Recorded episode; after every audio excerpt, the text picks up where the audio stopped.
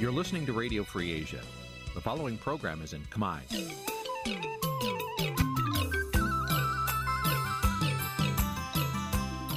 នេះជាកម្មវិធីផ្សាយ Vuthu Azizi Serai នេះជាកម្មវិធីផ្សាយរបស់ Vuthu Azizi Serai ជាភាសាខ្មែរ Vuthu Azizi Serai សូមស្វាគមន៍លោកអ្នកនាងទាំងអស់ពីរដ្ឋធានី Washington នៃសហរដ្ឋអាមេរិក បាទពីរដ្ឋធានី Washington សហរដ្ឋអាមេរិកខ្ញុំបាទមេរិតសូមជម្រាបសួរលោកអ្នកនាងកញ្ញាប្រិមម្នាក់ស្ដាប់ទាំងអស់ជាទីមេត្រី យើងខ្ញុំសូមជូនកម្មវិធីផ្សាយសម្រាប់ព្រឹកថ្ងៃច័ន្ទ14កើតខែជេឆ្នាំខាលចត្វាស័កពុទ្ធសករាជ2566ដែលត្រូវនឹងថ្ងៃទី13ខែមិថុនាគ្រិស្តសករាជ2022បាទជាដំបូងនេះសូមអញ្ជើញលោកអ្នកនាងកញ្ញាស្ដាប់ព័ត៌មានប្រចាំថ្ងៃ ដែលមានមេត្តាដូចតទៅ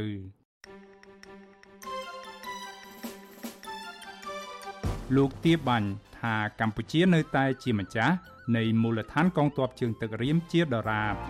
ក្រមយុវជន ស្នើឲ្យរដ្ឋាភិបាលលោកហ៊ុនសែនរកមធ្យោបាយដោះស្រាយបញ្ហារំលោភសិទ្ធិមនុស្សជាជាងខំប្រឹងនិយាយដោះសារ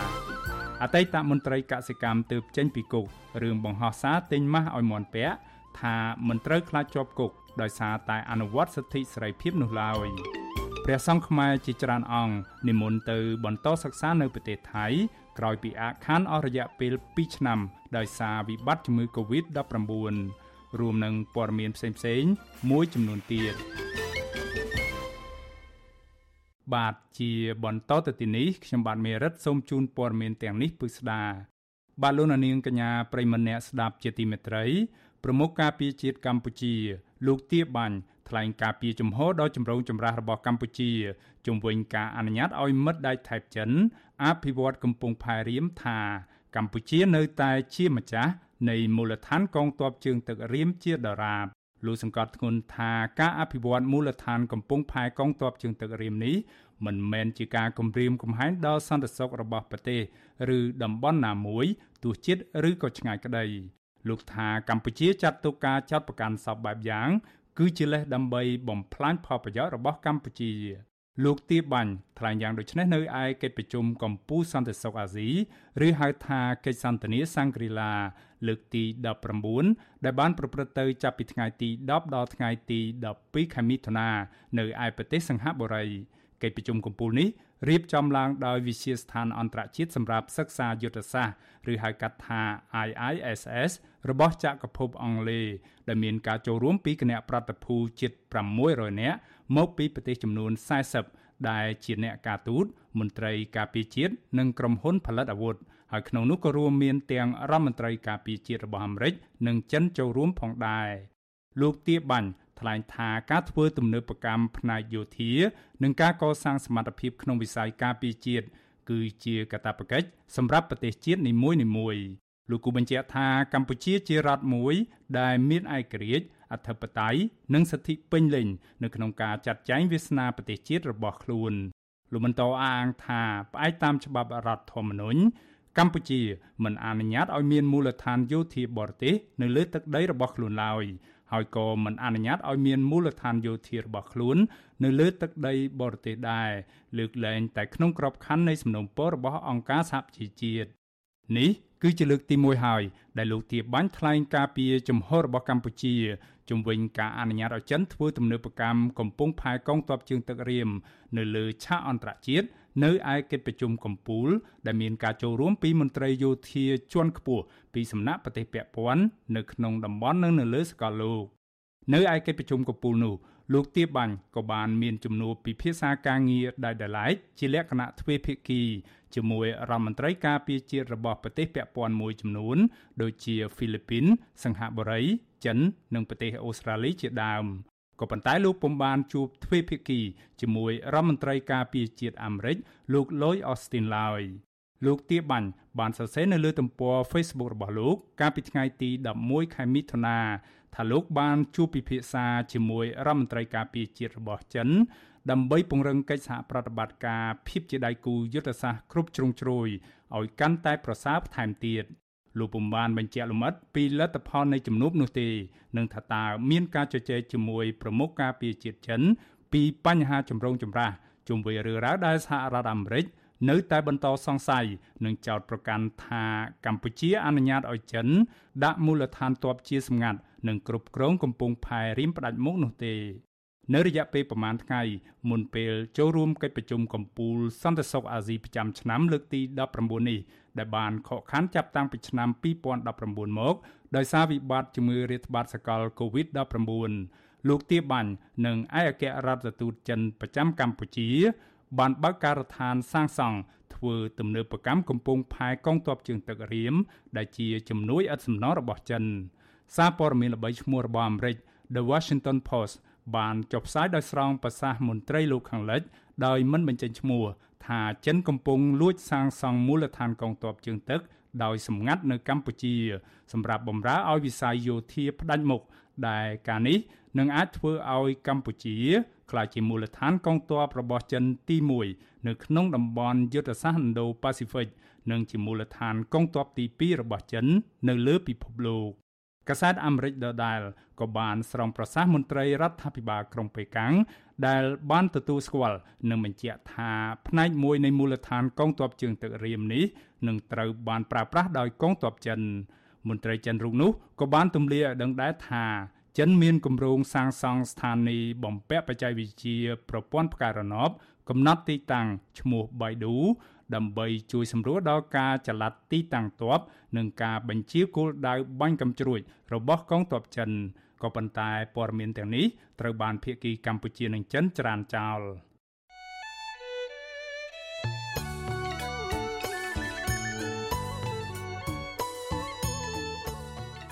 បាទលោកនាងកញ្ញាប្រិមម្នាក់ស្ដាប់ជាទីមេត្រី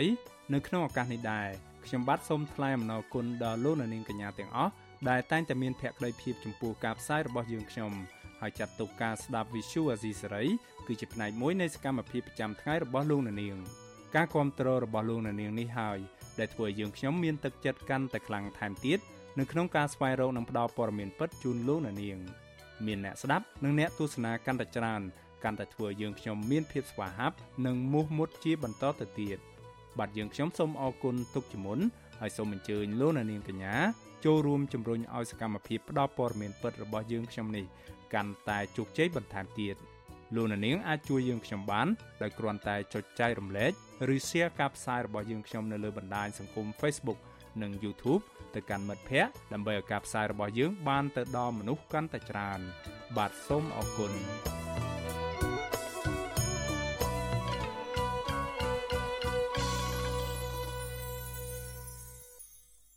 បាទលោកនាងកញ្ញាប្រិមម្នាក់ស្ដាប់ជាទីមេត្រីទាក់ទងនឹងបញ្ហារំលោភសិទ្ធិមនុស្សនៅកម្ពុជាវិញម្ដងក្រមយុវជននិងអ្នកស្រាវជ្រាវស្នើឲ្យរដ្ឋាភិបាលលោកហ៊ុនសែនស្វាស្វែងរកមធ្យោបាយសមស្របនិងដោយស្មោះត្រង់ដើម្បីដោះស្រាយបញ្ហារំលោភសិទ្ធិមនុស្សឲ្យមានប្រសិទ្ធភាពជាជាងខំប្រឹងនិយាយដោះសារដើម្បីបិទបាំងនឹងការពីអំពើរំលោភបំពានទាំងនោះ ការបញ្ចេញប្រតិកម្មនេះធ្វើឡើងក្រោយពីមន្ត្រីសិទ្ធិមនុស្សរបស់រដ្ឋាភិបាលថាគ្មានការរំលោភសិទ្ធិមនុស្សនៅកម្ពុជានោះទេ បាទលោកមួងណារ៉េតរាយការណ៍ព័ត៌មាននេះក្រមយុវជននិងអ្នកស្រាវជ្រាវបញ្ហាសង្គមមានបដកម្មទៅនឹងមន្ត្រីរដ្ឋាភិបាលលោកហ៊ុនសែនដែលនៅតែបន្តអះអាងថាកម្ពុជាគ្មានការរំលោភសិទ្ធិមនុស្សនិងបំផ្លាញប្រជាធិបតេយ្យ ប្រធានផ្នែកកម្មវិធីស្រាវជ្រាវនិងតស៊ូមតិនៃសមាគមបណ្ដាញយុវជនកម្ពុជាលោកហេងកំហុងថាគ្មានប្រទេសណាមួយល្អឥតខ្ចោះនោះទេក៏ប៉ុន្តែលោកថាកម្ពុជា ពិតជាមានការរំលោភសិទ្ធិមនុស្សធ្ងន់ធ្ងររាប់ចាប់ពីការរំលាយគណៈបកសង្គ្រោះជាតិនិងការធ្វើទុកបុកម្នេញសម្លេងប្រឆាំងឥតស្រាកស្រាន លោកថាមន្ត្រីរដ្ឋាភិបាល នៅតែមានភាពចង្អៀតចង្អល់និងមិនព្រមស្ដាប់មតិប្រជាពលរដ្ឋតែបែរជាមកវីប្រហារនិងផ្ដន់ទាទោសអ្នកបញ្ចេញមតិរិះគន់ឬអ្នករកឃើញបញ្ហារំលោភសិទ្ធិមនុស្សទៅវិញរដ្ឋាភិបាលដែលជាអ្នកបំពេញមុខងារសាធារណៈហ្នឹងគួរតែបើកចិត្តទូលាយហើយនៅពេលដែលពលរដ្ឋបានលើកឡើងឬក៏ក្រុមអ្នកជំនាញអ្នកវិភាគបញ្ញវន្តឲ្យលើកឡើងថាមានករណីរំលោភសិទ្ធិមនុស្សនៅទីនេះទីនោះនឹងគួរតែមានការស៊ើបអង្កេតដោយ ដោយយកចិត្តទុកដាក់ឬក៏ធ្វើការប្រៀបធៀបប្រសើរជាជាងថ្លែងការពៀខ្លួនដោយមិនមានការវិភាគឬក៏មានការស៊ើបអង្កេតគ្រប់ជ្រុងជ្រោយស្រដៀងគ្នានេះដែរយុវជនម្នាក់ទៀតដែលធ្លាប់បួសជាព្រះសង្ឃនឹងត្រូវអាជ្ញាធរចាប់ផ្សឹកនិងដាក់ពន្ធនាគារដោយសារតែសកម្មភាពទាមទារឲ្យមានការគោរពសិទ្ធិមនុស្សនិងប្រជាធិបតេយ្យនោះយល់ឃើញថាបញ្ហារំលោភសិទ្ធិមនុស្សនៅកម្ពុជាគ្មាននរណាម្នាក់អាចប្រកែកបានឡើយ លោកកើតសារាយថារឿងរំលោភសិទ្ធិមនុស្សនេះគឺប្រៀបដូចដំរីស្លាប់ដែលមិនអាចយកចង្អេរទៅបិទបាំងចិត្តនោះទេ ព្រោះវាបានកើតឡើងយ៉ាងកក្រើក និងល្បីសុសសាយដល់ឆាកអន្តរជាតិរហូតដល់ប្រទេសជាច្រើនបានដាក់ទណ្ឌកម្មកម្ពុជាថែមទៀតផងដល់ពេលនេះយើងមិនទាន់មានឃើញសញ្ញាណភាគីរដ្ឋាភិបាលឬក៏សួងពាក្យព័ន្ធអីបានបង្ហាញពីសកម្មភាពណាមួយ ដែលឆ្លើយតបជាមួយនឹងការស្នើរបស់សហគមន៍អន្តរជាតិមានអឺរ៉ុបជាដើមដែលកំពុងផ្សារភ្ជាប់រឿង ABA ជាមួយនឹងការរំលោភសិទ្ធិមនុស្សនិងការស្ដារប្រជាធិបតេយ្យហ្នឹងយើងមិនទាន់ឃើញវាមានតែចាប់បន្តបន្តដូចថ្មីថ្មីចាប់ខាងគណៈបកប្រឆាំងហើយមុនការបោះឆ្នោតក៏មានចាប់អីទៀតយុវជនមួយរូបទៀតដែលជាមន្ត្រីជាន់ខ្ពស់នៃអង្គការសង្គមស៊ីវិលផងយល់ថាការបំផ្លាញប្រជាធិបតេយ្យដ៏ធ្ងន់ធ្ងរបំផុតគឺការរំលាយគណៈបកសង្គ្រោះជាតិ អគ្គលេខាធិការសហព័ន្ធនិស្សិតបញ្ញវន្តកម្ពុជាលោកគៀនពន្លកថាការរំលោភសិទ្ធិនយោបាយនេះកើតមានឡើងដោយកត្តាជាច្រើនរួមមានទាំងការបោះឆ្នោតខ្វះវត្តមានគណៈបកប្រឆាំងធំជាងគេគឺគណៈបកសង្គ្រោះជាតិគណៈកម្មាធិការជាតិរៀបចំការបោះឆ្នោតឬកោជបមិនឯករាជ្យដោយសារតែសមាជិកកោជបពីថ្នាក់ក្រោមដល់ថ្នាក់ជាតិសុទ្ធតែជាមនុស្សរបស់គណៈបកកណ្ដាលអំណាច បរិយាកាសនយោបាយមិនអំណោយផលដល់ការបោះឆ្នោតដោយសេរីត្រឹមត្រូវនិងយុត្តិធម៌នៅក្នុងពេលថ្មីៗនេះព្រោះសកម្មជននយោបាយកំពុងតែជាប់ឃុំខ្លួននៅឯពន្ធនាគារជាដើមលោកថាការដោះសាររបស់មន្ត្រីរដ្ឋាភិបាល អំពីបញ្ហាសិទ្ធិមនុស្សនិងប្រជាធិបតេយ្យនេះគឺជាការខាតប្រយោជន៍ជាតិហើយមកដល់ពេលនេះអឺអន្តរជាតិទាំងសហជីវរដ្ឋនិងសហរដ្ឋអាមេរិកមិនបានបញ្ជូនអ្នកពិសេសការមក ចូលរួមនៅក្នុងការបោះឆ្នោតក្រុមប្រឹក្សាគុំសង្កាត់នៅឡើយទេអញ្ចឹងនេះជាសញ្ញាណមួយដែលគេបង្ហាញថាគេមិនទទួលស្គាល់នៅអ្វីដែលរដ្ឋាភិបាលរៀបចំការបោះឆ្នោតឆ្នាំ2022ហើយក៏ដូចនៅពេលខាងមុខគឺឆ្នាំ2023ដែរបងលោកគៀនពន្លកបារម្ភថាការដោះសារមិនព្រមដោះស្រាយនេះនឹងរឹតតែធ្វើឲ្យកម្ពុជាប្រឈមនឹងការដាក់ទណ្ឌកម្មបន្ថែមទៀតមន្ត្រីគណៈបកប្រឆាំងឯណោះវិញគាត់សង្កេតឃើញថាមានកត្តាជាច្រើនដែលអាចវាស់វែងច្បាស់លាស់ អំពីការរំលោភសិទ្ធិមនុស្សនៅកម្ពុជាបើទោះបីជាមន្ត្រីរដ្ឋាភិបាលប្រកែកនឹងដោះសារយ៉ាងនេះក្តីអនុប្រធានគណៈបកសង្គ្រោះជាតិដែលបង្ខំចិត្តរស់នៅនិរទេសខ្លួននៅក្រៅប្រទេសថាសិទ្ធិសំខាន់សំខាន់ជាច្រើនរបស់ប្រជាពលរដ្ឋត្រូវបានរដ្ឋាភិបាលរំលោភបំពានក្នុងនោះមានទាំងសិទ្ធិទទួលបានការងារធ្វើសមរម្យនៅក្នុងប្រទេស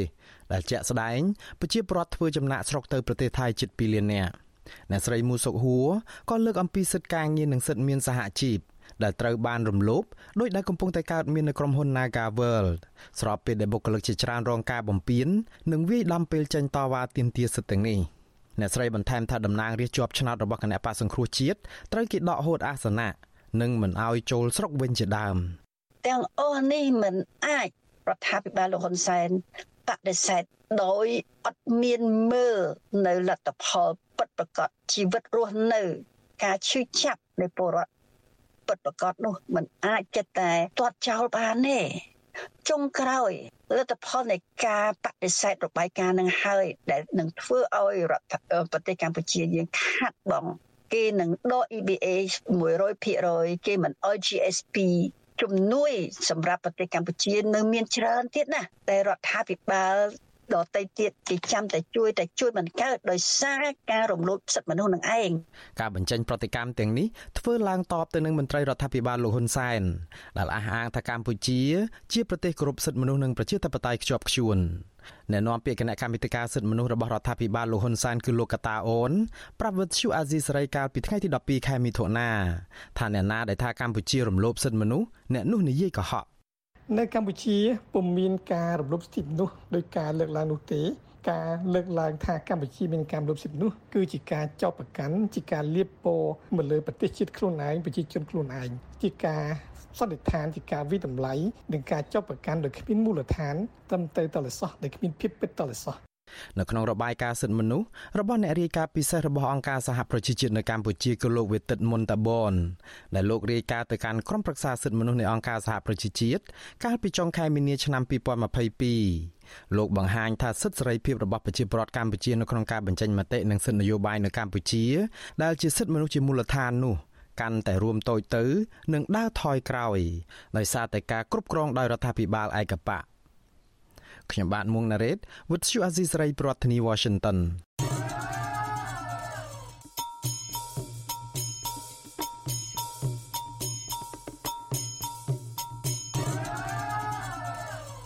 បបាទលោកនាងកញ្ញាប្រិមម្នាក់ស្ដាប់ជាទីមេត្រីរឿងដាច់ដライមួយទៀតអតីតមន្ត្រីក្រសួងកសិកម្មដែលទើបបានចេញពីពន្ធនាគារលោកនីណាប្រកាសថាលោកនឹងចូលរួមធ្វើនយោបាយជាមួយគណៈបពប្រឆាំងលោកនីណា ដែលត្រូវបានតឡាការក្រុងភ្នំពេញកាត់ឲ្យជាប់ពន្ធនាគាររយៈពេល18ខែ កាលពីឆ្នាំ2020ក្រោយពីលោកបានបង្ហោះសាររឿងចង់ទិញម៉ាស់ពាក់ឲ្យមួននោះប្រាវិសុអេស៊ីស្រីកាលពីថ្ងៃទី12ខែមិថុនាថាការចាប់ខ្លួននិងផ្ដន្ទាទោសលោកដាក់ពន្ធនាគារគឺជាការរំលោភសិទ្ធិមនុស្សយ៉ាងធ្ងន់ធ្ងរទៅលើសិទ្ធិសេរីភាពនៃការបញ្ចេញមតិនិងថាគឺជារឿងអយុត្តិធម៌ លោកបន្តថាលោកនឹងចូលរួមក្នុងវិស័យនយោបាយដើម្បីលើកស្ទួយសិទ្ធិសេរីភាពរបស់ប្រជាពលរដ្ឋជាមួយគណៈបកដែលស្រឡាញ់លទ្ធិប្រជាធិបតេយ្យនិងផលប្រយោជន៍ពលរដ្ឋជាធំ ជាពិសេសគឺគណៈបកភ្លើងទៀនខ្ញុំនឹងចងក្រងកសិករទូទាំងប្រទេសដើម្បីបង្កើតជាសមាគមកសិករការពារសិទ្ធិកសិករនឹងដោយមានការចុះបញ្ជីជាមួយក្រសួងមហាផ្ទៃហើយនឹងមួយទៀតនោះគឺខ្ញុំបាទនឹងចូលរួមក្នុងវិស័យនយោបាយក្នុងការ បោះឆ្នោតតំណាងរាស្ត្រឆ្នាំ2023ខាងមុខនេះលោកនីណាអំពាវនាវដល់រដ្ឋាភិបាលឲ្យដោះលែងសកម្មជននយោបាយទាំងអស់ដែលកំពុងជាប់ឃុំដើម្បីឲ្យពួកគាត់មានសិទ្ធិចូលរួមបោះឆ្នោតតំណាងរាស្ត្រនៅឆ្នាំ2023ខាងមុខនេះពាក់ព័ន្ធនឹងរឿងនេះអ្នកនាំពាក្យគណៈកម្មាធិការសិទ្ធិមនុស្សរបស់រដ្ឋាភិបាល លោកកតាអូនយល់ឃើញថារឿងយុត្តិធម៌ឬអយុត្តិធម៌មិនមែនស្រេចតែបុគ្គលណាម្នាក់លើកឡើងនោះទេ ក៏ប៉ុន្តែគឺសមត្ថកិច្ចធ្វើឡើងតាមអង្គហេតុនិងអង្គច្បាប់លោកបន្តថារដ្ឋធម្មនុញ្ញកម្ពុជា បានចែងថាពលរដ្ឋគ្រប់រូបមានសិទ្ធិចូលរួមនយោបាយដូច្នេះលោកនីណាអាចចូលរួមធ្វើនយោបាយគឺជាសិទ្ធិរបស់លោកលោកនីណាត្រូវបានដោះលែងពីពន្ធនាគារកាលពីថ្ងៃទី10ខែមិថុនាក្រោយពីលោកបានអនុវត្តទោសក្នុងពន្ធនាគាររយៈពេល18ខែចប់សពគ្រប់ លោកត្រូវបានសាលាដំបូងរាជធានីភ្នំពេញផ្ដន្ទាទោសដាក់ពន្ធនាគាររយៈពេល18ខែ និងពិន័យជាប្រាក់ចំនួន2លានរៀលកាលពីថ្ងៃទី12ខែធ្នូឆ្នាំ2020ក្រោមការចោទប្រកាន់ពីបទជាប្រមាថជាសាធារណៈនិងញុះញង់ឲ្យមានការរើសអើងបន្ទាប់ពីលោកបានបង្ហោះសារផ្សព្វផ្សាយពីការទិញម៉ាស់ពាក់ឲ្យកូនមន់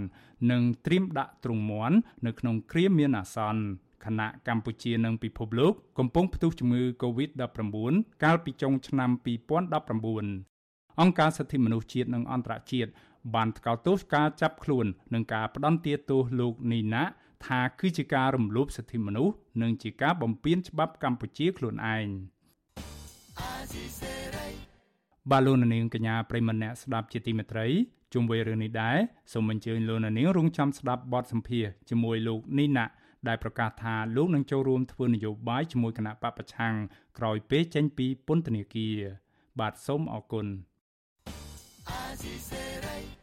បាឡូណានាងប្រិមម្នាក់ស្ដាប់ជាទីមេត្រីព័ត៌មានតកតងនឹងរឿងរ៉ាវរបស់គណៈបកភ្លើងទៀនវិញម្ដងបាទមន្ត្រីគណៈបកភ្លើងទៀនចោតអាញាធរខេត្តបៃលិនបាត់ដំបងនិងខេត្តមួយចំនួនទៀតថាកំពុងដើរអូសទាញសកម្មជនរបស់ខ្លួនឲ្យចោះចូលជាមួយគណៈបកកណ្ដាលអំណាចក្រោយពេលបោះឆ្នោតឃុំសង្កាត់រួច ការលើកឡើងនេះគឺបន្ទាប់ពីសកម្មជនរបស់គណៈបកភ្លើងទៀនមួយចំនួនទទួលរងនឹងការគំរាមកំហែងនិងការគៀបសង្កត់ពីសំណាក់អាជ្ញាធរបកកណ្ដាលអំណាចនៅតាមបណ្ដាខេត្តក្រុងមួយចំនួនជាបន្តបន្ទាប់មន្ត្រីគណៈបកកណ្ដាលអំណាចច្រានចោលចំពោះការចោទប្រកាន់នេះមន្ត្រីគណៈបកភ្លើងទៀនចោទអាជ្ញាធរគណៈបកកណ្ដាលអំណាចថាបានគំរាមកំហែងគៀបសង្កត់ដល់សកម្មជនរបស់ខ្លួនដើម្បីចូលរួមជាមួយគណៈបកកណ្ដាលអំណាច ជាថ្នូវនឹងការទទួលបានផលប្រយោជន៍ផ្សេងផ្សេងអនុប្រធានគណៈបកភ្លើងទៀនលោកថាច់សថាប្រាវិសុយស៊ីសេរីនៅថ្ងៃទី12ខែមិថុនាថាតាំងពីមុនពេលបោះឆ្នោត និងក្រោយពេលបោះឆ្នោតឃុំសង្កាត់រួចមកគណៈបកកណ្ដាលអំណាចនៅតែបន្តប្រើយុទ្ធសាស្ត្រដើរអូសទាញសកម្មជនគណៈបកភ្លើងទៀនតាមរយៈរូបភាពនៃការគំរាមកំហែងការផ្ដោតថវិកានិងទូនាទីនិងការផ្ដោតការពន្លឿនសេវាសាធារណៈ ដែលជាប្រយោជន៍ផ្សេងៗដល់សកម្មជនរបស់បកខ្លួនយើងអត់មានអីក្រៅតែពីយើងពង្រឹងគ្នាយើងទេក្នុងការស្មារតីហើយបង្រើនៅការតស៊ូរបស់យើងហើយយើងឃើញហើយបើតោះបីសឡុតទៅអីក៏ដោយក៏ប្រជាពលរដ្ឋលោកទៅមែនខ្លះទៅតែខ្លួនទេនៅតែបោះឆ្នោតឲ្យយើងដដែលទេការគម្រាមកំហែងមិនមានប្រសិទ្ធភាពអីខ្លាំងក្លាអី ទេវាគ្រាន់តែជាការបំភ័យផិតឲ្យឃើញជារូបភាពហ្នឹងហើយអូសទាញបានតែរូបរាងកាយគេហ្នឹងចំពោះបេះដូងរបស់គេវិញប្រជាពលរដ្ឋមិនអាចយកបានទេលោកថាច់សេថាបន្ថែមថាក្នុងនាមគណៈបណ្ឌនយោបាយជាអ្នកនយោបាយប្រសិនបើពួកគេចង់បានលទ្ធិប្រជាធិបតេយ្យពិតប្រាកដគណៈបណ្ឌនយោបាយមិនត្រូវមានឧបាយកលទុច្ចរិតនោះទេលោកថាគណៈបកកណ្ដាលអំណាច គួរតែប្រកួតប្រជែងដោយត្រឹមត្រូវនឹងយុត្តិធម៌ដើម្បីឲ្យប្រជាពលរដ្ឋជ្រើសរើសតំណាងមូលដ្ឋានរបស់ពួកគេ ចេញពីឆន្ទៈពិតប្រាកដជុំវិញរឿងនេះអ្នកនាំពាក្យគណៈបកកណ្ដាលអំណាចលោកសុកអេសានច្រានចោលការលើកឡើងរបស់គណៈបកភ្លើងទៀនដោយលោកថាគណៈបកប្រជាជនកម្ពុជាមិនបានទៅគៀបសង្កត់លើប្រជាពលរដ្ឋនិងសកម្មជនគណៈបកនយោបាយណាមួយឲ្យមកចោះចូលជាមួយគណៈបកកណ្ដាលអំណាចនោះទេ លោកបន្តថាការដែលសកម្មជនគណៈបកភ្លើងទៀនមកចូលរួមនយោបាយជាមួយគណៈបកកណ្ដាលអំណាចគឺជាការធ្វើឡើងដោយស្ម័គ្រចិត្តហើយគ្មានការបង្ខិតបង្ខំនោះទេ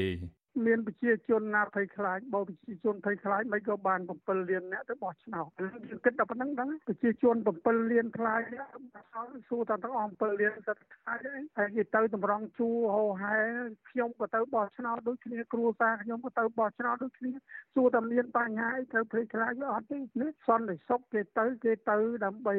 រៀបចំសម្ដាប់ធ្នាប់ព្រោះបងប្អូនទៅមកពេលអញ្ចឹងវាច្រើនណាស់មានឡានមានម៉ូតូអីគេជួយសម្រួលក្នុងការចតម៉ូតូចតឡានអីឲ្យមានសណ្ដាប់ធ្នាប់ដើម្បីបើកផ្លូវឲ្យបងប្អូនទៅបោះឆ្នោតបានដោយស្រួលអាហ្នឹងតែប៉ុណ្្នឹងទេជុំវិញរឿងនេះនាយកទទួលបន្ទុកកិច្ចការទូតនៃអង្គការលីកាដូលោកអំសំអាតលើកឡើងថាពលរដ្ឋមានសិទ្ធិជ្រើសរើសគណៈបណ្ឌនយោបាយដែលពួកគេពេញចិត្តស្របតាមរដ្ឋធម្មនុញ្ញលោកសង្កេតឃើញមានភាពមិនប្រក្រតីមួយចំនួន នៅថ្ងៃបោះឆ្នោតពាក់ព័ន្ធនឹងអាជ្ញាធរមូលដ្ឋាន ដែលជាមន្ត្រីរបស់បកកណ្ដាលអំណាច ការបោះឆ្នោតនោះគឺយើងសង្កេតឃើញមានអាជ្ញាធរមូលដ្ឋាននៅចាំកត់ឈ្មោះចាំមើលមនុស្សអីជាដើមហើយមានអាជ្ញាធរដែលគាត់មិនមានសិទ្ធិនៅក្នុងការការពារបោះឆ្នោតក៏មានវត្តមាននៅក្បែរនោះរហូតដល់មានការសុំអនុញ្ញាតឲ្យចេញពីកន្លែងហ្នឹងហើយក៏យើងឃើញមានមនុស្សចំនួនដែលស្ដារសួរថាមានបោះឆ្នោតឲ្យពីណាគណៈបកណាឲ្យជាដើមការចំណុចទាំងអស់ហ្នឹងគឺវាជាការប៉ះពាល់ទៅដល់សេរីភាពទៅដល់សិទ្ធិ ដែលធ្វើឲ្យជិះឥទ្ធិពលទៅដល់ផ្លូវអារម្មណ៍ផ្លូវចិត្តរបស់ម្ចាស់ឆ្នោតមន្ត្រីគណៈបកភ្លើងទៀននិងមន្ត្រីសង្គមស៊ីវិលនៅតែបង្ហាញថាដំណើរការបោះឆ្នោតនេះពិតជាមានអាជ្ញាធរមូលដ្ឋានភូមិឃុំស្រុករហូតដល់ថ្នាក់ក្រុងនិងខេត្តមានវត្តមាននៅតាមការិយាល័យបោះឆ្នោតពិតប្រាកដមែនបើទោះបីជាអ្នកនាំពាក្យគណៈបកកណ្ដាលអំណាចបានបដិសេធថាគ្មានការរំលោភសិទ្ធិមនុស្សហើយពលរដ្ឋបានចេញទៅបោះឆ្នោតដោយសប្បាយចិត្តគ្មានការភ័យខ្លាចនោះ ក៏ប៉ុន្តែមន្ត្រីសង្គមស៊ីវិលនិងសហគមន៍អន្តរជាតិនៅតែមើលឃើញថាការបោះឆ្នោតឃុំសង្កាត់កន្លងទៅនេះមិនមានដំណាភាពមិនសេរី និងមិនយុត្តិធម៌នោះឡើយ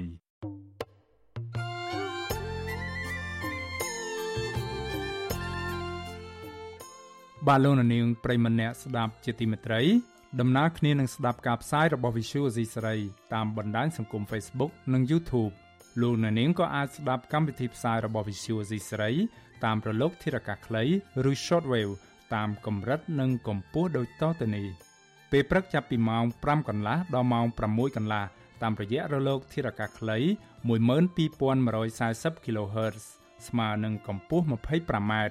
និង13715 kHz ស្មើនឹងកម្ពស់ 22m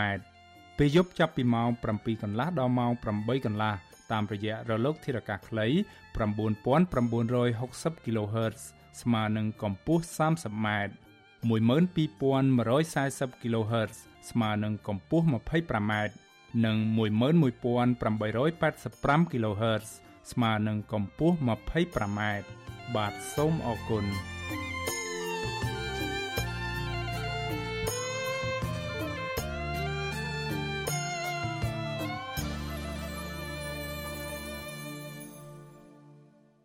បាទលោកនាងប្រិមម្នាក់ស្ដាប់ជាទីមេត្រីយើងងាកមកស្ដាប់ព័ត៌មានតាក់ទងនឹងរឿងរ៉ាវរបស់ក្រមស្ត្រីថ្ងៃសុកវិញម្ដង បាទក្រមស្ត្រីថ្ងៃសុកគ្រោងធ្វើសកម្មភាពតវ៉ាដោយសន្តិវិធីនិងដាក់ញត្តិទៅស្ថានទូតប្រទេសប្រជាធិបតេយ្យជាថ្មីម្ដងទៀតដើម្បីទាមទារឲ្យអាជ្ញាធរដោះលែងក្រុមគ្រួសារនិងអ្នកជាប់ឃុំនយោបាយឲ្យមានសេរីភាពឡើងវិញ មន្ត្រីជាន់ខ្ពស់រដ្ឋាភិបាលអះអាងថាការសម្រេចយ៉ាងណានោះគឺស្ថិតនៅក្រោមអំណាចរបស់តុលាការក៏ប៉ុន្តែមន្ត្រីអង្គការសង្គមស៊ីវិលនៅតែចាត់ទុកការចាប់ខ្លួន និងឃុំខ្លួនសកម្មជនបពប្រឆាំងកាលពីពេលកន្លងទៅថាមិនមែនជាការអនុវត្តច្បាប់នោះទេក៏ប៉ុន្តែកើតចេញពីចំនួននយោបាយបាទពីរដ្ឋធានី Washington លោកសនចាន់រដ្ឋារាយការណ៍ព័ត៌មាននេះ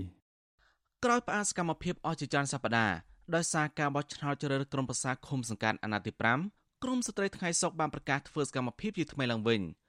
ក្រមស្ត្រីទាំងនេះនឹងចាប់ផ្ដើមជិញតវ៉ាមកសាលាដំបងរាជធានីភ្នំពេញថ្ងៃទី14ខែមិថុនាឆ្នាំនេះ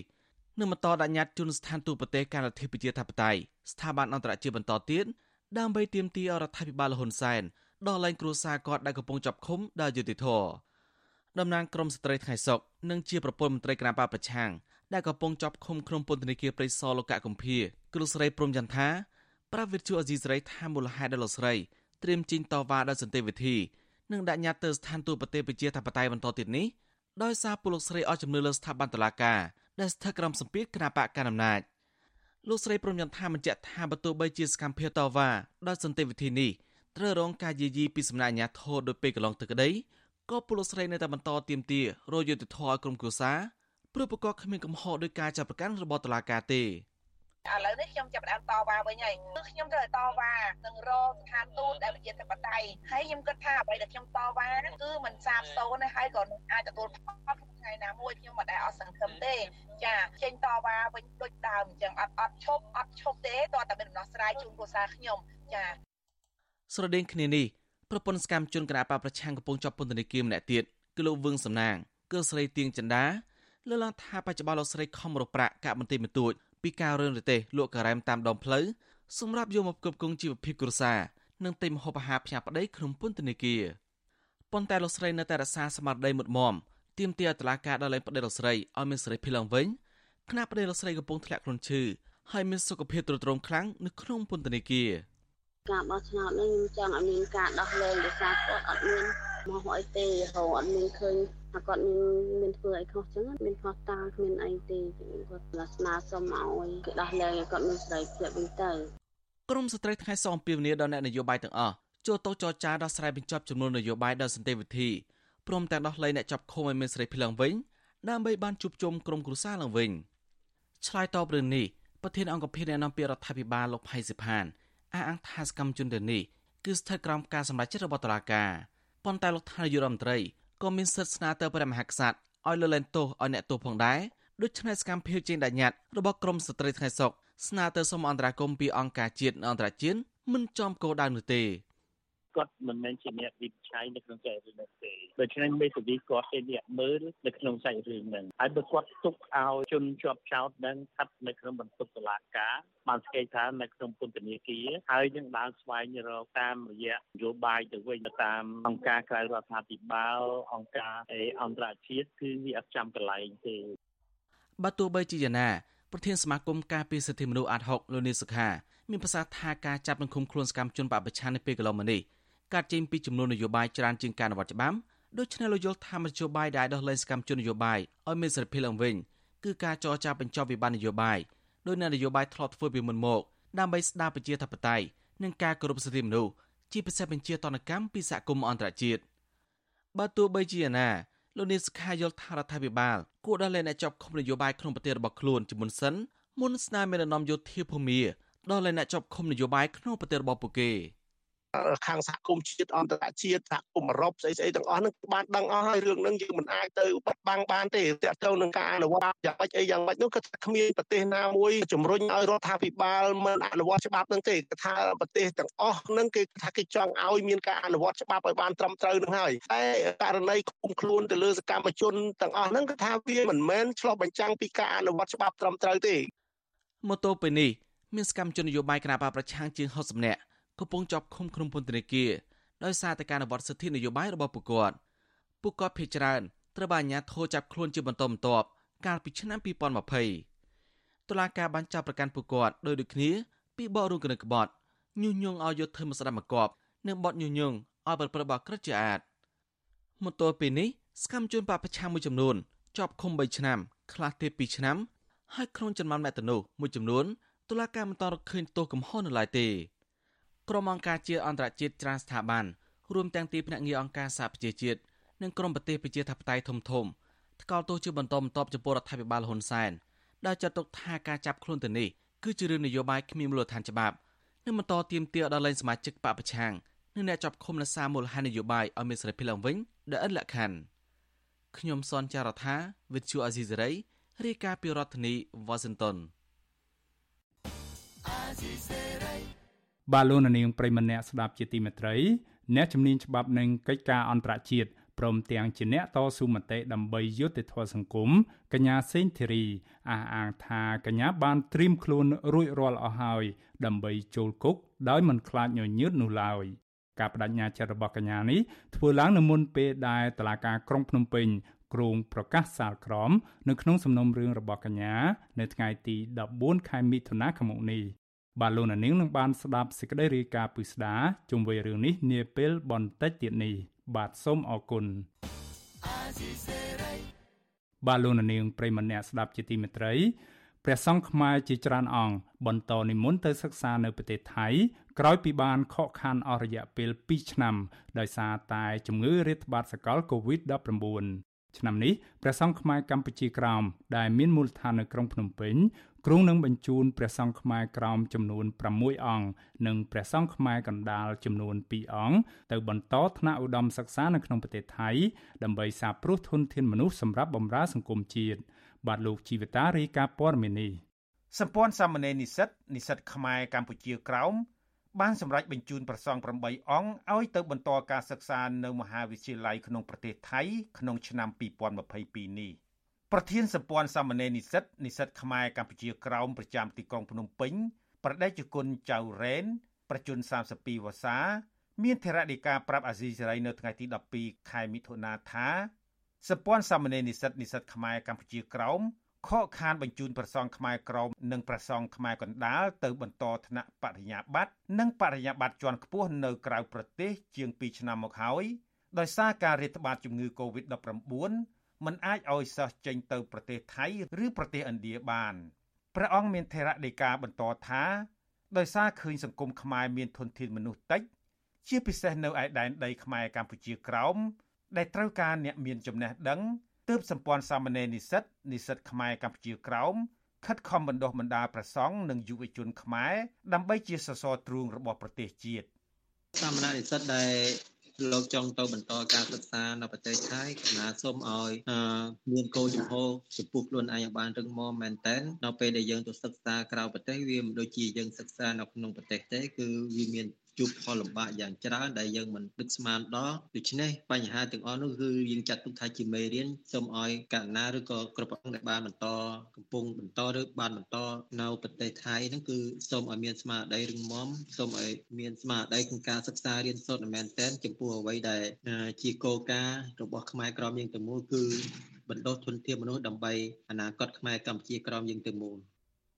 ស្រដៀងគ្នានេះដែរ ព្រះប្រធានសម្ព័ន្ធសាមណេរនិស្សិតនិស្សិតខ្មែរកម្ពុជាក្រោមប្រចាំប្រទេសថៃភិក្ខុថៃយាង មានដើមកំណើតនៅកម្ពុជាក្រោមប្រជជន30ព្រះវស្សាដែលកំពុងគង់នៅក្នុងវត្តមួយនាទីក្រុងស្រីអយុធ្យាទើបបញ្ចប់ថ្នាក់បរិញ្ញាបត្រថ្មីថ្មីពីសាកលវិទ្យាល័យจุฬាលង្កនរាជធានីវិទ្យាល័យមានធរណីកាថាភិក្ខុសង្ឃដែលសិក្សានៅប្រទេសថៃព្រះអង្គមានទឹកចិត្តមោះមុតក្នុងការរៀនសូត្រណាស់ ពីព្រោះគ្រប់អង្គសុទ្ធសឹងតែជាកូនកសិករក្រលំបាកហើយព្រះអង្គយល់ថាមានតែចំណេះដឹងទេទើបស្ដារជីវិតបានខ្ពង់ខ្ពស់ម្យ៉ាងទៀតនៅឯទឹកដីកម្ពុជាក្រោមត្រូវការកុលបុត្រខ្មែរឆ្នើមឆ្នើមព្រះអង្គមានថេរដីកាបន្ថែមថាប្រសង់ខ្មែរគ្រប់អង្គដែលមករៀននៅប្រទេសថៃ មានបំណងតែមួយគត់គឺពំនាំយកនៅចំណេះដឹងទៅសារព្រោះដល់កូនខ្មែរក្រោមនៅឯដែនដីកំណើតខ្លួនព្រោះព្រះអង្គមានជំនឿថា ប្រទេសដែលរុងរឿងទៅបានលុះណាតែពលរដ្ឋមានចំណេះដឹងនិយាយទូទៅគឺព្រះអង្គឃើញភ្នែក វិស័យសិក្សារៀនសូត្រនៅដែនដីកម្ពុជាក្រោមរបស់យើងនឹងគឺពីវត្តអារាមក៏ដូចជាតាមភូមិស្រុកអីហ្នឹងគឺកូនខ្មែរក្រោមយើងនឹងខ្វះចំណេះចេះដឹងជាយ៉ាងច្រើនអញ្ចឹងព្រះអង្គបានមកដើរតួនាទីក្នុងនាមជារៀមច្បងមកសិក្សានៅឯខាងក្រៅអញ្ចឹងពេលដែលព្រះអង្គចាស់ហើយព្រះអង្គក៏យកនៅចំណេះវិជ្ជាទាំងអស់នោះទៅជួយបម្រើនៅវត្តអារាមបន្តនៅសង្គមខ្មែរក្រោមយើងទោះបីជាភ្នែកអ្វីក៏ដោយតាមជំនឿការសិក្សារបស់ព្រះអង្គព្រះអង្គតែងតែជួយអស់ពីលទ្ធភាពរបស់ខ្លួនណាបងវិទ្យុអាស៊ីសេរីមិនអាចសុំការអត្ថាធិប្បាយពីមន្ត្រីអ្នកណាំពាក្យក្រសួងធម្មការនិងសាសនាលោកសេងសុមុនីនិងមន្ត្រីស្ថានទូតកម្ពុជាប្រចាំប្រទេសថៃបានទេ នៅរសៀលថ្ងៃទី12មិថុនាដោយទូរស័ព្ទហៅចូល តែពុំមានអ្នកទទួលជុំវិញរឿងនេះទីប្រឹក្សានៃវិជាស្ថានពុទ្ធសាសនបណ្ឌិត លោកសួនឱសុតលើកឡើងថាករណីប្រសង់ទៅសិក្សានៅប្រទេសថៃមាន2ទី1 គឺទៅតាមរយៈរដ្ឋាភិបាល ទី2ទៅតាមសមាគមផ្សេងផ្សេង ដែលជាបណ្ដាញរបស់ព្រះសង្ឃលោកបន្តថាព្រះសង្ឃចេញទៅសិក្សានៅក្រៅប្រទេសបែបនេះជាការប្រសើរដើម្បីនាំយកគម្ពីរក្បួនខ្នាតខាងភាសាបាលីសំស្ក្រឹតលោកបញ្ជាក់ថា កាលពីសម័យដើមប្រទេសខ្មែរមានអ្នកប្រាជ្ញល្បីៗជាច្រើន តែបច្ចុប្បន្នមានតិចតួចទើបតម្រូវឲ្យព្រះសង្ឃខ្មែរទៅរៀនពីប្រទេសក្រៅមកវិញ ព្រោះប្រទេសថៃនៅសល់គម្ពីរខាងពុទ្ធសាសនាច្រើនលោកលើកទឹកចិត្តដល់រដ្ឋាភិបាលឲ្យជួយពង្រឹងផ្នែកសិក្សាវិស័យពុទ្ធសាសនាឲ្យបានច្រើនដើម្បីជាមូលដ្ឋានគ្រឹះឲ្យពលរដ្ឋខ្មែររៀនសូត្រនិងប្រតិបត្តិតាមគន្លងព្រះពុទ្ធសាសនា មិនមែនថាមិនចាប់អារម្មណ៍ទេថាគិតគូរដែរប៉ុន្តែប៉ុន្តែគិតគូរវាមិនមិនគេហៅថាមិនមិនខ្វះហាត់មិនចំណាត់ចំនួនមិនយកចិត្តទុកដាក់មិនដឹងថារបស់នឹងវាមានប្រយោជន៍សម្រាប់វប្បធម៌សាសនាអីហ្នឹងគឺថាយើងអត់បានគិតគូរឲ្យបានគេហៅថាមុំតមទេយើងគិតគូរដូចថាល្មមល្មមដែលអាចធ្វើទៅបានទេតែធ្វើទៅជាទៅទៅរៀនទៅយើងមិនព្រមគេហៅថាសិក្សាស្វែងជ្រាវប្រម៉ែប្រមោពីពុទ្ធិកាមកយកមកប្រែឲ្យទៅជាសម្រាយឲ្យរបាយការណ៍របស់សម្ព័ន្ធសាមណេរនិស្សិតនិស្សិតខ្មែរកម្ពុជាក្រោមឲ្យដឹងថា មានប្រសង់ខ្មែរក្រមសិក្សានៅខេត្តស្រីអយុធ្យាជិត100អង្គមាននិស្សិតស្រី2នាក់កំពុងរៀននៅសាកលវិទ្យាល័យจุฬាលង្កកណ៍និងមានប្រសង់សិក្សានៅសាកលវិទ្យាល័យខេត្តផ្សេងៗទៀតនិងនៅក្នុងទីក្រុងបាងកកផងប្រមាណ400អង្គក្នុងឆ្នាំ2022នេះខ្ញុំជីវិតាអាស៊ីសេរី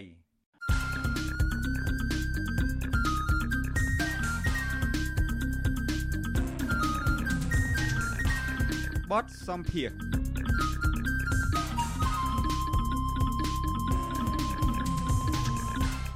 បាឡូននាងកញ្ញាប្រិមម្នាក់ស្ដាប់ជាទីមេត្រីអតីតមន្ត្រីក្រសួងកសិកម្មលោកនីណាដែលជាប់ពន្ធនាគារអស់រយៈពេល18ខែដោយសារបង្ហោះសារទិញម៉ាស់ពាក់ឲ្យកូនមន់អះអាងថាលោកនឹងបន្តការងារតស៊ូមតិដើម្បីជួយដល់កសិករដោយមិនភ័យខ្លាចរឿងជាប់ពន្ធនាគារជាថ្មីម្ដងទៀតឡើយ លោកថែមទាំងអំពាវនាវដល់សកម្មជន និងក្រុមអ្នកស្រឡាញ់លទ្ធិប្រជាធិបតេយ្យថាមិនត្រូវខ្លាចជាប់គុកដោយសារតែការអនុវត្តសិទ្ធិសេរីភាពនោះឡើយបាទសូមអញ្ជើញលោកនាងកញ្ញាស្ដាប់បទសម្ភាសរវាងអ្នកស្រីសុជីវីជាមួយអតីតមន្ត្រីក្រសួងកសិកម្មលោកនីណាដែលទើបចេញពីពន្ធនាគារជុំវិញរឿងរ៉ាវនេះដូចតទៅចាសសូមជម្រាបសួរលោកនីណាពីចម្ងាយចា បាទសូមគោរពជម្រាបសួរបង នៅក្នុងពន្ធនាគារនឹងបានទទួលព័ត៌មានអីយ៉ាងម៉េចខ្លះហើយដឹងរឿងអីខ្លះបានជាចេញពីពន្ធនាគារមកភ្លាមហ្នឹងគឺចង់បង្កើតសមាគមជួយទៅដល់កសិករហើយចង់ចូលរួមនយោបាយហ្នឹងចា៎ខ្ញុំបាទមិនបានទទួលព័ត៌មានអ្វីទេនៅក្នុងពន្ធនាគារហ្នឹងគ្រាន់តែបានជជែកលេងជាមួយនឹងអ្នកទោសនយោបាយមួយចំនួនហើយនឹងសកម្មជនសិទ្ធិមនុស្សសកម្មជនបរិស្ថានហ្នឹង ហើយជាឆន្ទៈរបស់ខ្ញុំតាំងពីមុនចប់ពន្ធនាគារគឺខ្ញុំមានបំណងធ្វើកិច្ចការហ្នឹងប៉ុន្តែគ្រាន់តែខ្ញុំមិនបាននិយាយចេញតែឥឡូវដោយសារការចប់ពន្ធនាគាររបស់ខ្ញុំហ្នឹងវាអយុត្តិធម៌អញ្ចឹងទៅខ្ញុំចង់យកឧទាហរណ៍ខ្ញុំមួយនេះដើម្បីធ្វើឲ្យខ្ញុំនេះមានឱកាសចូលរួមក្នុងការផ្លាស់ផ្លាស់ប្ដូរបញ្ហាមួយចំនួនសម្រាប់ប្រទេសកម្ពុជាយើងនឹង កន្លងមកដែលខ្ញុំធ្វើតែដោយបកគលគឺយើងមានភាពផុយស្រួយអញ្ចឹងយើងមិនអាចផ្លាស់ប្ដូរអ្វីបានអញ្ចឹងយើងនឹងចូលរួមជាមួយនឹងនយោបាយដើម្បីឲ្យយើងមានកម្លាំងធំក្នុងការទៀមទីអ្វីមួយបាទដើម្បីឲ្យយើងទទួលបានជោគជ័យបាទនៅពេលដែលមានករណីជាប់ពន្ធនាគារចាប់ដាក់ពន្ធនាគារដោយសារតែសេរីភាពបញ្ចេញមតិរបស់ខ្លួននៅលើបណ្ដាញសង្គម Facebook នៅពេលដែលជាប់ពន្ធនាគារហើយហ្នឹងគឺត្រឡប់ទៅវិញហ្នឹងក៏រក្សាភាពស្ងប់ស្ងាត់ចាសន្សំសុខទៅ មិនក្ដួងក្ដាំងអីទៀតទេមិនហ៊ានបញ្ចេញមតិអីទៀតទេប៉ុន្តែហេតុអ្វីបានជាលោកនីណាក់ដូចជាខុសប្លែកចាចេញទៅវិញហ្នឹងបែរជាលឹះដើមទៅទៀតហ្នឹងចាធិតទៅខាងខ្ញុំមិនមានការបារម្ភអីគ្រោះថ្នាក់ឬក៏ការរំលោភបំពានអីបន្តទៀតទេពីព្រោះបញ្ហាហ្នឹងវាកើតឡើងទៅលើបុគ្គលអ្នករិះគន់សង្គមបុគ្គលអ្នកចូលរួមនយោបាយក្រៅរដ្ឋាភិបាលហ្នឹងគឺគាត់ទទួលទុកទោសច្រើនជាងខ្ញុំទៅទៀត ចឹងខ្ញុំគ្មានការបារម្ភក្នុងការជាប់គុកម្ដងពីរដងបីដងអីទៀតទេអ្វីដែលជាឆន្ទៈជាមនសិការរបស់ខ្ញុំគឺខ្ញុំចង់ចូលរួមក្នុងនាមជាពលរដ្ឋខ្មែរមួយរូបតែប៉ុណ្្នឹងទេបាទចាលោកនេះណាក់តើរយៈពេល18ខែនៅក្នុងពន្ធនាគារនោះលោកជួបរឿងរ៉ាវអ្វីខ្លះទៅមានបទពិសោធន៍អីយ៉ាងណាបទពិសោធន៍ដែលខ្ញុំរស់នៅក្នុងពន្ធនាគារអឺយើងនិយាយពីចំណុចល្អមុនចុះថា ពន្ធនាគារអ្នកណាក៏ស្ដាប់ថាគុកនោះគឺយើងខ្លាចយើងខ្លាចបាទយើងតក់ស្លុតពីអ្នកខាងក្រៅប៉ុន្តែនៅពេលដែលយើងជាប់គុកគឺយើងមិនមិនមានអីត្រូវខ្លាចទេពីព្រោះយើងយើងយើងបាត់បង់តែសេរីភាពទេប៉ុន្តែមនសិការរបស់យើងមិនត្រូវបានអ្នកណាឃុំគ្រងយើងបានឡើយបាទហើយបទពិសោធន៍ល្អល្អជាច្រើនគឺយើងបានជួបមនុស្សល្អមួយចំនួនដែលគាត់រងនឹងអយុត្តិធម៌នៅក្នុងសង្គមមិនថាតែជាសកម្មជន មិនថាជាអ្នកទោសទូទៅនោះទេបាទអញ្ចឹងយើងរៀនសូត្រពីពីរឿងគ្រប់យ៉ាងដែលយើងនៅខាងក្រៅគឺយើងអត់បានដឹងទេបាទតកតងនឹងភាពអយុត្តិធម៌នៅក្នុងសង្គមនឹងគឺយើងចូលទៅដល់ក្នុងពន្ធនាគារធ្វើឲ្យយើងមើលឃើញកាន់តែច្បាស់ថាប្រទេសយើងមួយនេះគឺគឺយើងមានរឿងស្មានមិនដល់នៅក្នុងវិស័យអយុត្តិធម៌ហ្នឹងគឺច្រើនមែនទែនបាទហើយយើងបានបង្កើតបានមិត្តភាពថ្មីថ្មីជាមួយនឹង អ្នកនយោបាយជាមួយនឹងសកម្មជនសិទ្ធិមនុស្សសកម្មជនបរិស្ថានសកម្មជនផ្សេងផ្សេងទៀតបាទតែជាមិត្តភាពដ៏រឹងមាំដែលយើងរួមរស់ជាមួយគ្នាតុកតុកជាមួយគ្នាព្រឹកល្ងាចបាយជាមួយគ្នាចែករំលែកអ្វីអ្វីដែលយើងមានជាមួយគ្នាជាជីវិតប្រចាំថ្ងៃបាទហើយមានន័យថាលោកនេះណារៀនរស់នៅក្នុងស្ថានភាពដែលលោកចាត់ទុកថាជាអយុត្តិធម៌ហ្នឹងបាទយើងមិនមិនព្យាយាមបាក់ទឹកចិត្តទេយើងដឹងថា រឿងហ្នឹងវាលំបាកខ្លាំងណាស់ប៉ុន្តែយើងមិនយើងមិនចង់ឲ្យការរស់នៅរបស់យើងនឹងផ្អែកទៅលើការលំបាកយើងបាក់ទឹកចិត្តធ្វើឲ្យយើងទទួលនៅបញ្ហាកាន់តែច្រើនដូចជាយើងមានជំងឺដង្កាត់កាន់តែច្រើនកើតឡើងតែបើយើងមានស្មារតីរឹងមាំយើងសบายចិត្តក្នុងការចប់ពន្ធនាគារនេះពីព្រោះយើងអត់បានធ្វើអ្វីខុសទេបាទអញ្ចឹងយើងអត់មានអីត្រូវតូចចិត្តតូចថ្លើមទេបាទគឺប្រព័ន្ធយុទ្ធធម៌ទេជាអ្នកទទួលខុសត្រូវលើរឿងហ្នឹងអញ្ ចឹងហើយបានជាជាកម្លាំងចិត្តដ៏ធំមួយដែលធ្វើឲ្យខ្ញុំប្រឹងរស់នៅក្នុងពន្ធនាគារហ្នឹងទោះបីខ្វះខាតប៉ុណ្ណាប៉ុន្តែយើងយើងរស់បែបសบายចិត្តបាទចុះពីចំណុចដែលលោកថាជាអវិជ្ជមានឬក៏ផលមិនល្អនៅក្នុងពន្ធនាគារនោះវិញចា៎ផលមិនល្អគឺយើងដឹងទាំងអស់គ្នាពីភាពចង្អៀតណែននៅក្នុងពន្ធនាគារដែលមានអ្នកទោសច្រើន ហើយរូបខ្ញុំបាទជាសកម្មជនមួយរូបតែគេយកខ្ញុំទៅឃុំក្រងទៅឃុំនៅក្នុងជាមួយអ ுக ្រិតជនដែលជាចៅដែលជាគ្រឿងញៀនហើយយើងរស់នៅក្នុងស្ថានភាពនោះដែលពិបាកខ្លាំងមែនទែនតាក់ទងនឹងសុខភាពដូចជាពួកគាត់អ្នកទោសដែលមិនមែនជាសកម្មជននឹងជាអ ுக ្រិតជនជាចៅជាអីហ្នឹងគឺគាត់ជក់បារីច្រើនគាត់លោឡាគាត់រំខានមិនឲ្យយើងបានដេកអញ្ចឹងយប់ខ្លះយើងដេកសឹងតែមិនបាន1ម៉ោងផង ហើយកន្លែងដេករបស់យើងជាអៀតខ្លាំងបន្ទប់មួយដែលមានអទំហំ6ម៉ែត្រ4ជ្រុងហើយដកបន្ទប់ទឹកចេញអស់2ម៉ែត្រជាងហើយយើងដាក់មនុស្សរហូតដល់30នាក់ជាង បាទខ្ញុំចូលទៅដំបងក្នុង21ថ្ងៃដំបងបន្ទប់ប៉ុណ្ណឹងគេដាក់ខ្ញុំ37នាក់អញ្ចឹងដេកគឺថាពិបាកខ្លាំងមែនទែនបាទហើយខ្វះខាតទឹកប្រើប្រាស់បាទយើង មួយថ្ងៃយើងបានទឹកពីរបោយក៏មានជួនកាលក៏អត់មានក៏មានតែបាទវាពិបាកខ្លាំងរឿងទឹកប្រើប្រាស់ហ្នឹងហើយជំងឺឆ្លងវាមានច្រើនជាពិសេសគឺរោគរមាស់ហ្នឹងបាទហើយជំងឺផ្សេងផ្សេងតាមផ្លូវដង្ហើមហ្នឹងវាវាឆ្លងខ្លាំងបាទហើយជាពិសេសក្នុងស្ថានភាពកូវីដដែលឆ្លងរាលដាលផងហើយហើយយើងអត់បានទទួលការឈឺឆ្អាលអីទេដំដំតតែពួកខាងខ្ញុំនឹងធ្វើកោតកម្មអត់អាហារទៀមធ្វើ បាតកម្មលើកបដាដើម្បីឲ្យទៀមទីឲ្យមន្ត្រីពន្ធនាគារនឹងស្នើសុំទៅក្រសួងរដ្ឋសុខាភិបាលនឹងក្នុងការចុះយកសំណាក់ទៅពិនិត្យក្នុងការចាក់វ៉ាក់សាំងឲ្យពួកយើង បានមានការចាក់វ៉ាក់សាំងឲ្យពួកយើងបាទនៅក្នុងពន្ធនាគារនឹងហើយក៏នៅតែនាំគ្នារួមគ្នាតស៊ូមតិឲ្យមានការកែប្រែឬក៏យកចិត្តទុកដាក់ចំពោះស្ថានភាពរបស់ក្រមអ្នកជាប់ពន្ធនាគារនឹងទៀតកោតកម្មយើងធ្វើ ការតវ៉ាជាក្រុមបាទដោយមានការប្រសេបដានៅលើអ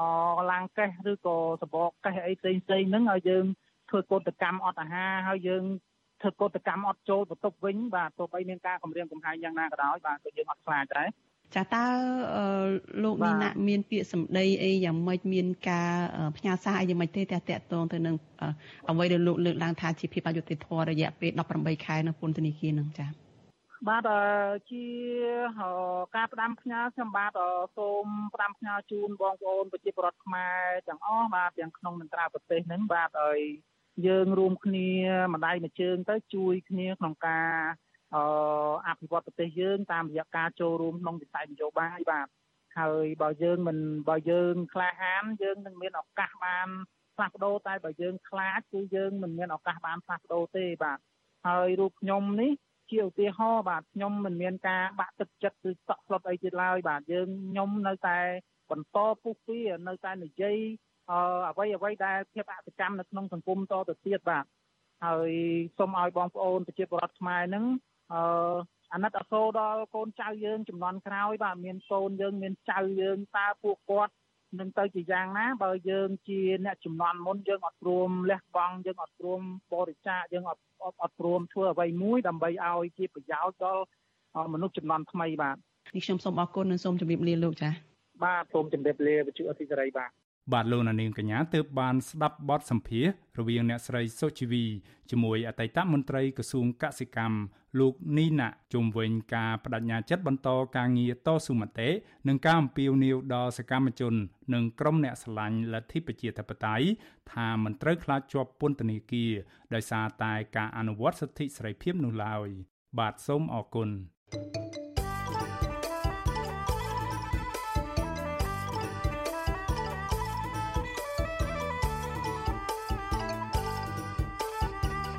បាទលោកនាងកញ្ញាប្រិមិត្តអ្នកស្ដាប់ជាទីមេត្រីអ្នកជំនាញច្បាប់និងកិច្ចការអន្តរជាតិព្រមទាំងជាអ្នកតស៊ូមតិដើម្បីយុត្តិធម៌សង្គមកញ្ញាសេងធីរីថាកញ្ញាបានត្រៀមខ្លួនរួចរាល់អស់ហើយដើម្បីចូលគុកដោយមិនខ្លាចញញើតនោះឡើយការបដិញ្ញារបស់កញ្ញានេះធ្វើឡើងនៅមុនពេលតុលាការគ្រងប្រកាសសាក្រមក្នុងសំណុំរឿងរបស់កញ្ញា នៅថ្ងៃទី14ខែមិថុនាស្អែកនេះ បាទសូមអញ្ជើញលោកនាងកញ្ញាស្ដាប់សេចក្តីរាយការណ៍មួយទៀតរបស់លោកមួងណារ៉េតជុំវិញព័ត៌មាននេះអ្នកវិភាគនយោបាយនិងសង្គមសង្កេតឃើញថាលោកនាយរដ្ឋមន្ត្រីហ៊ុនសែនកំពុងតែបង្ក្រាបនិងបំបិតមាត់សម្លេងអ្នកប្រឆាំងឬអ្នកដែលហ៊ានតតាំងនឹងរដ្ឋាភិបាលបច្ចុប្បន្ន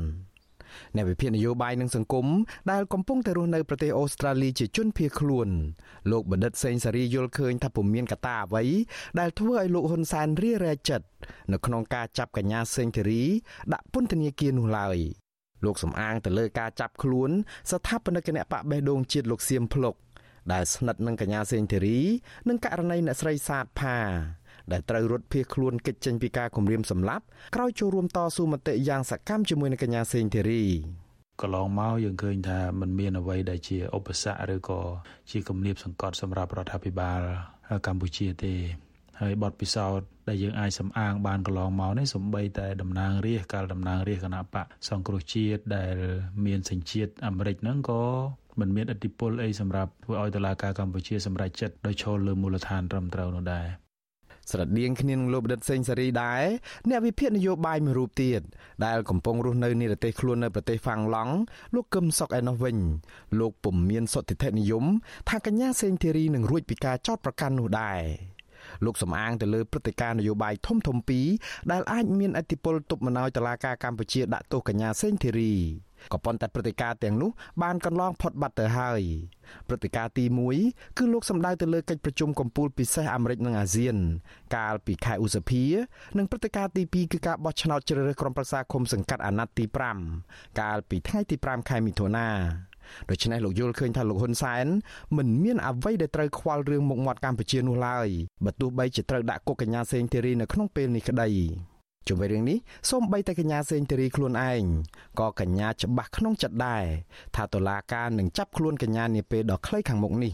ព្រោះកញ្ញាសំអាងទៅលើភាពមិនឯករាជ្យនិងជាឧបករណ៍នយោបាយនៃស្ថាប័នតុលាការកម្ពុជាកញ្ញាដឹងថាស្ថានភាពនៅពន្ធនាគារស្រុកខ្មែរមានភាពអាក្រក់ខ្លាំង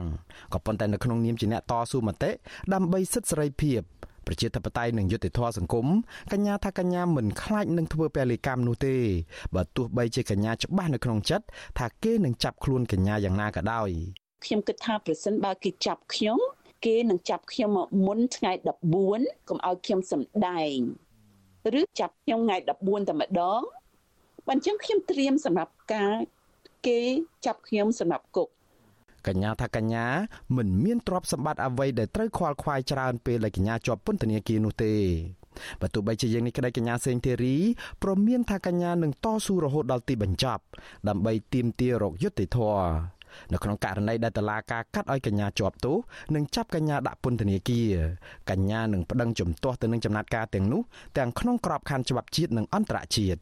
នៅក្នុងក្របខ័ណ្ឌជាតិកញ្ញានឹងប្តឹងឧទ្ធរឲ្យអស់លទ្ធភាព នៅក្នុងយុត្តាធិការឬក៏ក្របខ័ណ្ឌនៃសមត្ថកិច្ចរបស់អន្តរជាតិកញ្ញានឹងដាក់ពាក្យប្តឹងទៅក្របខ័ណ្ឌតុលាការអន្តរជាតិនៅទីក្រុងញូវយ៉កសហរដ្ឋអាមេរិកនិងតុលាការសិទ្ធិមនុស្សអឺរ៉ុបជាដើម ដើម្បីឲ្យគេជួយរកយុត្តិធម៌ជាគម្រាមផងជាការផ្ដោតសារទៅរបស់ផ្ដាច់ការនេះថាខ្ញុំអត់នៅស្ងៀមទេប្រសិនបើធ្វើបាបអីមួយលើខ្ញុំតាមរបៀបណាក្តីពួកគាត់ក៏អត់រួចខ្លួនស្រួលស្រួលដែរ តឡាការនឹងបង្ហាញលទ្ធផលនៅក្នុងសំណុំរឿងព្រំប្រទានកម្ពុជាដល់ចម្រូងចម្រាសពាក់ព័ន្ធទៅនឹងកញ្ញាសេងធីរីនិងសកម្មជននយោបាយជាច្រើនអ្នកផ្សេងទៀតនៅថ្ងៃទី14ខែមិថុនាក្រោយដំណើរការក្តីបានប្រព្រឹត្តទៅអស់រយៈពេល7ឆ្នាំការតស៊ូមតិនិងការតតាំងក្តីដ៏ស្វិតស្វាញនៅក្នុងដំណើរការក្តីនេះចំពោះកញ្ញាសេងធីរីកញ្ញារំលេចឲ្យឃើញនៅរូបភាពពីរនៅក្នុងពេលតែមួយ រូបភាពទី1គឺការតបតែងខ្លួននឹងស្លៀកពាក់របៀបជាអ្នកសម្ដែងល្ខោនឬទៅមើលល្ខោននៅពេលចូលសវនាការដែលកញ្ញាហៅថាជាឆាកល្ខោននយោបាយរូបភាពទី2គឺការតតាំងក្តីជាក់ស្ដែងនៅក្នុងបន្ទប់សវនាការដោយមានមេធាវីការពារក្តីឲ្យកញ្ញាគឺលោកជួងជងីកញ្ញាសេងធីរីពីដំបងស្ថិតនៅក្នុងសំណុំរឿងតែមួយជាមួយនឹងសកម្មជននយោបាយចំនួន140នាក់ក៏ប៉ុន្តែក្រោយមកតុលាការបានបំបែកសំណុំរឿងនេះ និងដាក់កញ្ញាសេងធីរីឲ្យនៅក្នុងសំណុំរឿងមួយដាច់ដោយឡែកម្នាក់ឯងនៅក្នុងសំណុំរឿងដែលបំបែកឲ្យនៅដាច់ដោយឡែកម្នាក់ឯងនេះជាឱកាសឲ្យកញ្ញាសេងធីរីបានបញ្ចេញបច្ចេកទេសតស៊ូមតិនិងការពារក្តីយ៉ាងស្វិតស្វាញនិងសម្បូរបែបនៅក្នុងសវនាការចំនួន11លើកចាប់តាំងពីចុងឆ្នាំ2020កញ្ញាសេងធីរីបានរៀបចំយុទ្ធសាស្ត្រតស៊ូមតិប្លែកប្លែកដូចជាកញ្ញាកោសក់ស្លៀកឈុតអប្សរាស្លៀកសម្លៀកបំពាក់អ្នកទោសដោយជើងជាប់ខ្នោះ ស្លៀកសរងពុំជួតក្បាលក្រមាមានកណ្ដៀតកញ្ច្រែងបន្លែនិងស្លៀកសម្លៀកបំពាក់រ៉ូបពណ៌សកាន់ចិញ្ចៀងតំណាងឲ្យស្ត្រីយុត្តិធម៌ឬក៏ Lady Justice ជាដើមកញ្ញាសេងធីរីយល់ថារដ្ឋាភិបាលលោកហ៊ុនសែនធ្វើទុកបុកម្នេញកញ្ញានិងសកម្មជនឯទៀតដើម្បីចង់ជីកគាស់រំលើងឬគល់ចលនាតស៊ូដើម្បីប្រជាធិបតេយ្យដែលនៅសេសសល់ចុងក្រោយក្រោយពីរដ្ឋាភិបាលនេះបានរំលាយគណៈបកសង្គ្រោះជាតិ បណ្ដាញអង្គការសង្គមស៊ីវិលបិទប្រព័ន្ធផ្សព្វផ្សាយឯករាជ្យនិងចាប់សកម្មជននយោបាយនិងសកម្មជនសង្គមដាក់ពន្ធនាគារជាង100នាក់គេចោទប្រកាន់ពួកខ្ញុំដោយគេបំបោសសម្អាតអាចុងក្រោយនៅក្នុងការសម្លាប់ប្រជាធិបតេយ្យតែម្ដងគេគិតថាអូងាយស្រួលមែនតើអ្នកណាគេជាសម្លេងចុងក្រោយដែលយើងប្រមូលណាមកមកជំហានដាក់ឲ្យឲ្យអស់ហ្មងទៅ ចំពោះបញ្ហាជាក់ស្ដែងនៃនីតិវិធីច្បាប់វិញកញ្ញាសេងធារីថ្លែងនៅក្នុងសេចក្តីសន្និដ្ឋានបញ្ចប់សវនាការកាលពីដើមខែឧសភាដែលមានកម្រាស់15ទំព័រថាតឡាការបានរំលោភបំពាននីតិវិធីធ្ងន់ធ្ងរដូចជារំលោភសិទ្ធិកញ្ញានៅក្នុងការទទួលបានការកាត់ក្តីត្រឹមត្រូវតាមច្បាប់ព្រោះតឡាការខកខានមិនបានផ្ដល់ព័ត៌មានភ្លាមៗអំពីប្រភេទនិងមូលហេតុនៃការចោទប្រកាន់លើរូបកញ្ញាជាដើម។ កញ្ញាសេងធីរីថាតឡាការគ្មានភ័ស្តុតាងឬក៏សាកសីអ្វីរឹងមាំមកដាក់បន្ទុកលើកញ្ញាក្រៅទៅពីការដកស្រង់ពីសារនិងរូបថតដែលកញ្ញាបង្ហោះតាម Facebook ដែលជាការបញ្ចេញមតិផ្ទាល់ខ្លួន9ស្រលឹកក៏ដែលគេស្រង់មកថាខ្ញុំបានបង្ហោះហើយក្នុង9ស្រលឹកហ្នឹងមានតែ3ស្រលឹកដែលជាសារក្រៅពីនឹងសិតតែរូបភាពហើយរូបភាព ជាមួយខ្ញុំជាមួយឆ្កែខ្ញុំខ្ញុំលើកម្រាមដៃ9មិនខុសពីសកម្មជនជាច្រើនទៀតកញ្ញាសេងធីរីថាការលើកម្រាមដៃ9តាមបណ្ដាញសង្គម Facebook នោះគឺជាការបង្ហាញការគាំទ្រដល់ប្រធានស្ដីទីគណៈបកសង្គ្រោះជាតិលោកសំរងស៊ីដែលប្រកាសវិលចូលស្រុកខ្មែរវិញនៅថ្ងៃទី9ខែវិច្ឆិកាឆ្នាំ2019នោះដោយសារតែសារគាំទ្រនិងលើកម្រាមដៃ9នោះ កញ្ញាសេងធីរីនិងសកម្មជនគណៈបកសង្គ្រោះជាតិនិងសកម្មជននយោបាយ140នាក់ត្រូវបានតុលាការចោទប្រកាន់ពីបទរួមគំនិតក្បត់និងញុះញង់ឲ្យមានភាពវឹកវរធ្ងន់ធ្ងរដល់សន្តិសុខសង្គមមេធាវីជាតិការពីក្តីឲ្យកញ្ញាសេងធីរីលោកជួងជាងាយឯណោះលោកបានអះអាងប្រាប់វិទ្យុអាស៊ីសេរីថានៅក្នុងនាមជាមេធាវីលោកបានប្រឹងប្រែងអស់ពីសមត្ថភាពដើម្បីការពារក្តីនេះ។ លោកមិនហ៊ានទាយទុកមុនថាសេចក្តីសម្រេចរបស់តុលាការនឹងចេញទៅជាយ៉ាងណានោះឡើយក៏ប៉ុន្តែលោកជឿជាក់យ៉ាងមុតមមថាកញ្ញាសេងធីរីមិនមានកំហុសដោយការចោទប្រកាន់របស់តុលាការនោះទេ ខ្ញុំពិនិត្យមើលឯកសារទាំង9មានបង្ហោះនៅក្នុងកណនី Facebook របស់កញ្ញាសេងចន្ទធីរីនោះគឺមិនមែនជាសកម្មភាពដែលគាត់ធ្វើចូលរួមក្នុងអង្គើក្បត់នោះទេហើយក៏មិនមែនជា អត្តបទដែលលក្ខណៈញុះញង់ឲ្យមានភាពវឹកវរដល់សន្តិសុខសង្គមដោយការចោទប្រកាន់នោះដែរ បើទោះបីជាយ៉ាងណា លោកថាបតឡាការនៅតែដាក់ទោសកញ្ញាសេងធីរីលោកនឹងព្យាយាមខំឲ្យអស់ពីកម្លាំងកាយនិងកម្លាំងចិត្តនិងបញ្ញាញាណរបស់លោក ការពារសិទ្ធិកូនក្តីរបស់លោកតទៅទៀតវិទ្យុអាស៊ីសេរីមិនទាន់អាចសុំការបំភ្លឺជាមួយរឿងនេះពីអ្នកនាំពាក្យសាលាដំបងក្រុងភ្នំពេញលោកអេរិនបាននៅឡើយទេក៏ប៉ុន្តែប្រធានអង្គភិបអ្នកនាំពាក្យរដ្ឋាភិបាលគឺលោកផៃស៊ីផានអះអាងប្រាប់វិទ្យុអាស៊ីសេរីថារឿងក្តីនៅតុលាការគឺជាអំណាចនិងឆន្ទានុសិទ្ធិរបស់តុលាការ លោកថាបើតឡាការធ្វើខុសពីនីតិវិធីត្រឹមត្រូវតាមផ្លូវតឡាការមេធាវីរបស់កញ្ញាសេងធីរីច្បាស់ជាតវ៉ាជាក់ជាមិនខានបើរំលោភលើដំណើរការយុត្តិធម៌រំលោភលើអង្គខេត្តនិងអង្គច្បាប់បានសេចក្តីស្អាតជាប្រមាថចរណៈពីទូនេះជាករណីដែលគេតាមមើលគ្រប់គ្នាខ្ញុំជឿថាជាក្រមសេរីអស់ទេបាទសំណុំរឿងរបស់កញ្ញាសេងធីរីតាក់ទាញការចាប់អារម្មណ៍ជាអន្តរជាតិ ដោយសារតែឈុតឆាកនៃការតស៊ូមតិរបស់កញ្ញានៅរាល់ពេលឡើងសវនាការម្ដងម្ដងនិងដោយមានការជួយគ្រប់គ្រងពីអ្នកច្បាប់អន្តរជាតិរួមទាំងមេធាវីអន្តរជាតិដែលជាជនជាតិអាមេរិកនិងជាមិត្តភ័ក្តិរបស់កញ្ញាគឺលោក Jared Genser និងអង្គការអន្តរជាតិនៃមូលនិធិ Clooney សម្រាប់យុត្តិធម៌ព្រមទាំងសមាគមមេធាវីអាមេរិកផងដែរ។ នៅក្នុងពេលជាមួយគ្នានេះដែរមិត្តភ័ក្តិរបស់កញ្ញាសេងធីរីម្នាក់ទៀតដែលជាជនជាតិអាមេរិកដែរនិងជាមេធាវីនៅក្រុមប្រឹក្សាពាណិជ្ជកម្មអន្តរជាតិគឺលោក Glenn Kaminsky បានរៀបចំយុទ្ធនាការរៃអង្គាសថវិកាលើបណ្ដាញអ៊ីនធឺណិតដើម្បីជួយការពារក្តីនិងរកយុត្តិធម៌ជូនកញ្ញាសេងធីរីដែលរហូតមកដល់ពេលនេះយុទ្ធនាការនេះរៃអង្គាសប្រាក់បានជាង20,000ដុល្លារហើយអ្នកវិភាគលោកកឹមសុខព្រមមានថាបតឡាការសម្រេចកាត់ក្តីឲ្យកញ្ញាសេងធីរីជាប់ទោស នោះលោកថាលោកហ៊ុនសែនក៏ប្រថុយខ្លាំងណាស់ដែរដោយសារតែវីរភាព និងប្រជាប្រិយភាពរបស់កញ្ញាសេងធីរីនៅលើឆាកអន្តរជាតិខ្ញុំបាទមុងណារ៉េត With you Azizi Saray ប្រធានាធិបតី Washington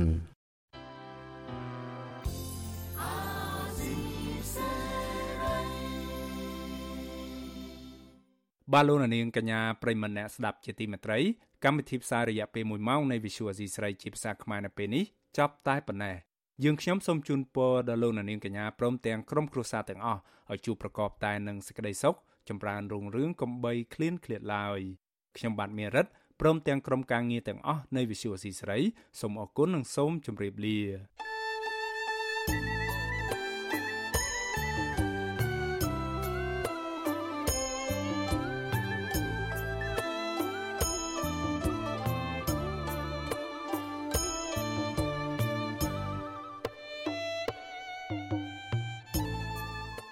ទ្យុអាស៊ីសេរីផ្សាយតាមរលក ធាតុអាកាសខ្លី